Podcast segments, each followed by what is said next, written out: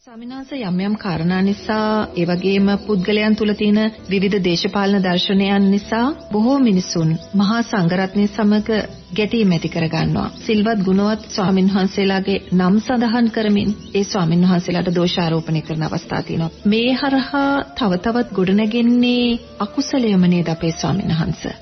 පුතේ ඔබතුමිය ඔය කියන්නේ ඉතින් සමාජය තුල අප්‍රමාණ චෝදනා විවේචන එල්ල කරගන්නවා කියන කාරණේනේ. ඉතින් සංඝයා සංඝයා චෝදනා කරගන්නවා, ස්වාමින්වහන්සේලා ස්වාමින්වහන්සේලා චෝදනා කරගන්නවා, ගිහි පින්වතුන්ලා චෝදනා කරගන්නව නේද? කොහේවත් ඉන්න අපිටත් චෝදනා කරනවා. ඉතින් නෝනා කොයිසා සමාජය තුල චෝදනාවන් තිබ්බත් ඔය අන්තර්ජාලය තුල මට කොච්චර චෝදනා කළත් මම මගේ පාඩුවේ නිහඬව ඉන්නවා. මම මීට ඉස්සෙල්ලත් කියලා තියෙනවානේ මම නැවතිච්ච භික්ෂුවක් කියලා.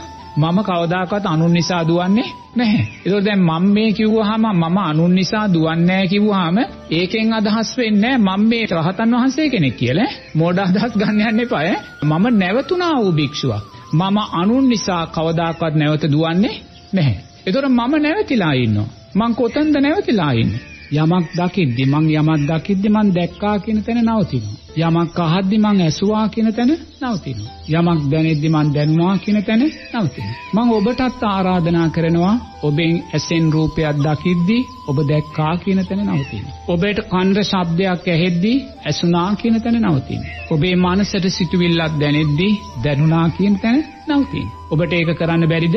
ඔබ ඇසෙන් රූපයක් දකිනවා. දැන් අප්‍රමාණ જાතිය රූප තියෙනවනේ. දැන් සමාජයේ දිහා බැලුවාම මේ දවස්වල හරියට කාමච්ඡන්දයන් වැඩෙන රූප වැඩි. ඒතර ඔබේ ඇසෙන් රූපයක් දකිද්දී ඔබ දැක්කා කියන තැන නවතිනවා. ඒ නැවතුනොත් ඒකෙන් අදහස් වෙනවද ඔබ සෝවාන් ඵලයටපත් වෙලා කියලා? ඒකෙන් අදහස් වෙනවද ඔබ සකෘදාගාමි ඵලයටපත් වෙනවා කියලා? ඒකෙන් අදහස් වෙනවද ඔබ අනාගාමි ඵලයටපත් වෙලා රහත් ඵලයටපත් වෙලා කියලා? නැහැ. ඔබ දැක්කා කියන තැන නැවතුණා. එච්චරයි. ඒකෙන් අදහස් වෙන්නේ නැහැ ඔබ අධිගමලාභින් බවට පත් වුණායි කියන කාරණේ. ඒ නිසා මම මේ ධර්මයේ කියන්නේ හැම වෙලාවෙම ධර්මය අහන පින්වතුන්ලාගේ ජීවිතේට යහපතක් උදා කර දීම උදෙසාමයි. ධර්මයේ ශක්තියක් මතු කර දීම උදෙසාමයි. ඒ නිසා පින්වතුනි මම මේ මොහොතේ ඇසෙන් රූපයක් දකිද්දී දැක්කා කියන තැන නවතිනවා වගේ මම ඔබට ආරාධනා කරනවා ඔබත් ඇසෙන් රූපයක් දකිද්දී දැක්කා කියන නවතින. ඒක ඔබටත් කරන්න පුළුවන් දෙයක්. ඉතින් ඒ නිසා මට කවුරු ගැහුවත් මට කවුරු චෝදනා කළත් මට කවුරු විවේචනය කළත් මං ඔබට විවෘතව කියන්නේ කරුණා කරලා ඒ චෝදනාව දකිද්දී සුවපත් වේවා කියලා හිතන්න. ඒ චෝදනාව දකිද්දී සුවපත් වේවා කියලා හිතන්න. ඔබ දැන් මට කිව්වා ඔන්න මටත් චෝදනා කළා මොකද්ද ඔය තියනවා කියලා මං ඒ වෙලාවෙත් මට හිතුනේ නම් සුවපත් වේවා කියලා. ඒ නිසා බුදුරජාණන් වහන්සේ දේශනා කරනවා මේ පංච උපාදානස්කන්ධ ලෝකය නිරතුරුවම තෘෂ්ණාවෙන් ගිනි ගන්නවා කියලා.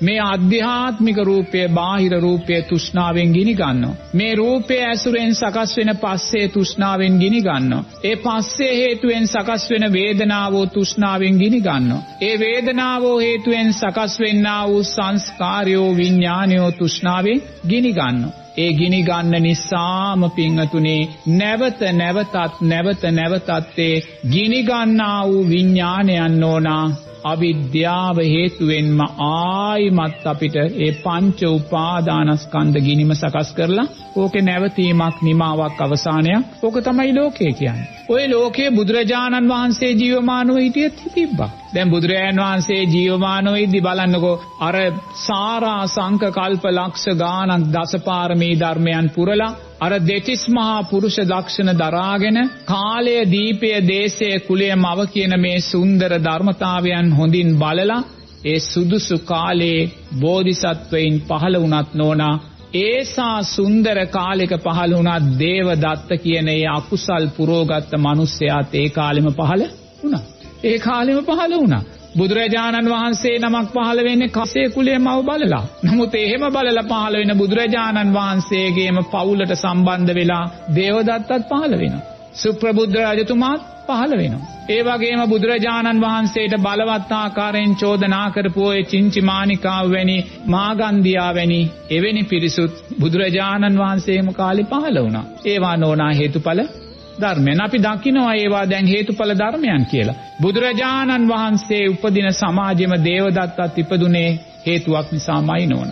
බුදුරජාණන් වහන්සේ ඉපදුන සමාදයේ සුප්‍රබුද්ධ රජතුමා ඉපදුනේ හේතුවක් නිසාමයි. ඒ නිසා නෝනා අපිට කොතනකවත් වැරදිලා නැහැ. අපි කොතනකවත් වැරදිලා නැහැ. නිරේතුරුවම සංස්කාරයන්ට අදාළව නෝනා අපි ඉපදිය යුතු තැන නියමාකාරයෙන් අපි උප්පත්තිය පටිච්ච සමුප්පන්නව ලබලා එහෙනම් ඒ උපතට බාධා වෙන ඒ උපත විවේචනය කරන ඒකට ගරහන ඒකට චෝදනා කරන යම් ධර්මතාවයක් තියෙනවා නම් නෝනා ඒ සෑම ධර්මතාවයක්ම අපි සංස්කාරයෝ හැටියටමයි අපි දකින්නේ ඕනේ. සංස්කාරය හැටියටමයි දකින්න ඕනේ. මගේ ජීවිතේ මං කොතනකවත් වරදක් දකින්නේ නැහැ. අද කොරෝනාව නිසා මට එක තැනකට වෙලා ඉන්න සිද්ධ වුණත් මං ඒක දකින්නේ කොරෝනාවේ වරදක් හැටියට. ඒක මගේ සංස්කාරය. මං දැන් ආපු ගමන් මේ මහත්තයාට කිව්ව පුතේ දැන් වස්සානේට මං කොළඹින් යනවා. ආයිමත් කොළඹ එන්න පුළුවන් කමක් ලැබෙයිද දන්නේ නැහැ. මොකද බස් වාහන වැඩ කරන්නේත් නැහැ. පලාතෙන් පලාතට යන්න පුළුවන් කමකුත් නැහැ. එවැනි තත්වයක් තිබ්බත් නොන මං ඒකට කාටවත් චෝදනා කරන්න යන්නේ? ඒවා හේතුඵල ධර්මයන්. අපිම සංසාරයේ කළා වූ අකුසල් සංස්කාරවල විපාකයන්මයි. බුදුරජාණන් වහන්සේ බෝධිසත්වයින් හැටියට උන්වහන්සේ අතින් සිදුනා වූ අකුසල් වලට අදාළවයි දේවදත්ව ඒ කාලෙම කාලය දීපය දේශය කුලය මව බලල ඉපදුනත් දේවදත්තත් ඒ සමේම ඒ සමාජයේම උප්පත්තිය ගෙනන්න ඕන අපිට කොතනකවත් වැරදිලා නැහැ. අපිට කොතනකවත් වැරදිලා නැහැ. ඒ නිසා පංච උපාදානස්කන්ධ ලෝකේට ඒ තෘෂ්ණාවේ ඉන්ධන වලින් කැමැති තාක් රූප වේදනා සංඥා සංකාර විඥානයන් සොයාගෙන දුවන්න දෙන්න ඕන. ඔබ නවතින්න. තේන්නද? ඔබ නවතින්න. ඔබ කුසලයේ ළඟ නවතින්න. ඔබ සීලයේ ළඟ නවතින්න. ඔබ නිරේතුරුවම නෝනා පංච උපාදානස්කන්ධයේ අනිත්‍යභාවය ළඟ නවතින්න. ඔබ නිරේතුරුවම කාම රාග පටිගයන් නිරෝධය කළා වූ තැන නවතින්න ඔබ නිරේතුරුම පංච උපාදානස්කන්ධයේ අවබෝධය ළඟ නවතින්න නැවතිලා නෝනා. ඔබ මේ ලෝකෙන් නිදහස් වෙලා යන්න.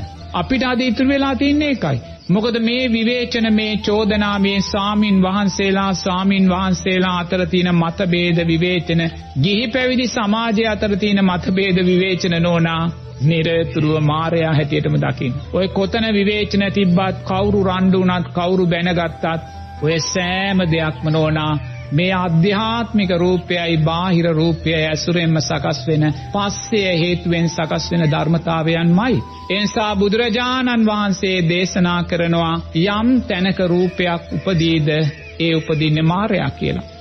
ඒ රූපයේ ඇසුරෙන් යම් තැනක පස්සයක් සකස් වේද ඒ පස්සේ මාරයා කියලා. ඒ පස්සේ හේතුවෙන් යම් විඳීමක් සකස් වේද ඒ විඳීම මාරයා කියලා. ඒ විඳීම හේතුවෙන් යම් සංස්කාරයක් විඥානයක් සකස් වේද ඒ ධර්මතාවයෝ මාරයා කියලා. එහෙනම් නෝනා මාරයා මම කියලා ගන්න එපා. මාරයා ඔබ කියලා ගන්න එපා.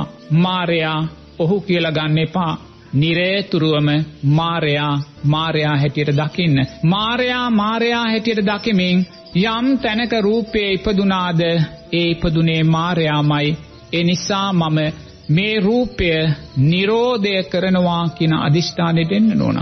මේ රූපය නිරෝධය කරනවා නැවත මම මේ රූපය පටිච්ච සමුප්පන්න රූපයක් උපාදානය කිරීම උදෙසා යොමු කරගන්නේ නැහැ කියන අදිෂ්ඨානයට ඇවිල්ලා නිරේතුරුවම නෝනා මේ රූප වේදනා අධ්‍යාත්මික රූප වේදනා සංඥා සංකාර විඥානයෝ මායя හැටියට දකිනවා වගේම ඒ බාහිර රූප වේදනා සංඥා සංකාරයෝ මායя හැටියටම දකින්න දැකලා නෝනා ලෝකය ගිනි ගන්න හැරලා ලෝකයට දුවන්න හැරලා ලෝකයට කැමති තාක් භව ගමනේ යන්න හැරලා ඔබ නැවතුන කෙනෙක් ඔබ නිවුන කෙනෙක් ඔබ සැනසුන කෙනෙක් බවට පත් වෙන්න. එසේ නැතුව නෝනා ඔබ ලෝකය අල්ල ගන්න ගියොත් අනුන්ගේ විවේචන ඔබ මගේ කරගන්න ගියොත් ඔබ මේ ආවා වූ සාරාසංක කල්පලක්ෂ ගානක් මේ පටිච්ච සමුප්පන්න ලෝකය ඔබ තව දුරටත් නෝනා අස්වැද්දුවා වෙනවා. ඒතුරුවම ලෝකය හදන්න බුදුරජාණන් වහන්සේලා ලක්ෂ ගානක් පහළ වෙලත් මේ ලෝකය හදන්න පුළුවන්කමක් ලැබුන්නේ තුෂ්ණාවෙන් හටගන්නා වූ මේ ලෝකය අවිද්‍යාවෙන් හටගන්නා වූ මේ ලෝකය චතුරාර්ය සත්‍ය ධර්මයන් නොදැනීම නිසා හටගන්නා වූ මේ ලෝකය නොහැදෙන ලෝකයක්මයි නෝනා. එනිසා ඒ නොහැදෙන ලෝකය දෙස බලලා සංසාර ගැඹුර සංසාර දුර සංසාර බය මතු කරගෙන ඔබ මේ ලෝකයෙන් එතර වෙන්න බුදුරජාණන් වහන්සේ කළෙත් ඒ දෙමයි සාරිපුත්ත මහෝත්තමයාණන් වහන්සේ කළෙත් ඒ දෙමයි යසෝදරා උත්තමාවිය උත්පලවන්නා උත්තමාවිය කළෙත් ඒ දෙමයි ඒ නිසා ඔබ ඉන් බාහිර දෙයක් කරන්න යන්න එපා. ඒ නිසා ලෝකයේ ස්වභාවය කවදත් මේ විදියයි ඔබේ ස්වභාවයට අකමැතිනම් කරුණාකර ලෝකයේ තිබෙන්න හැර ඔබ නිවී යන්න.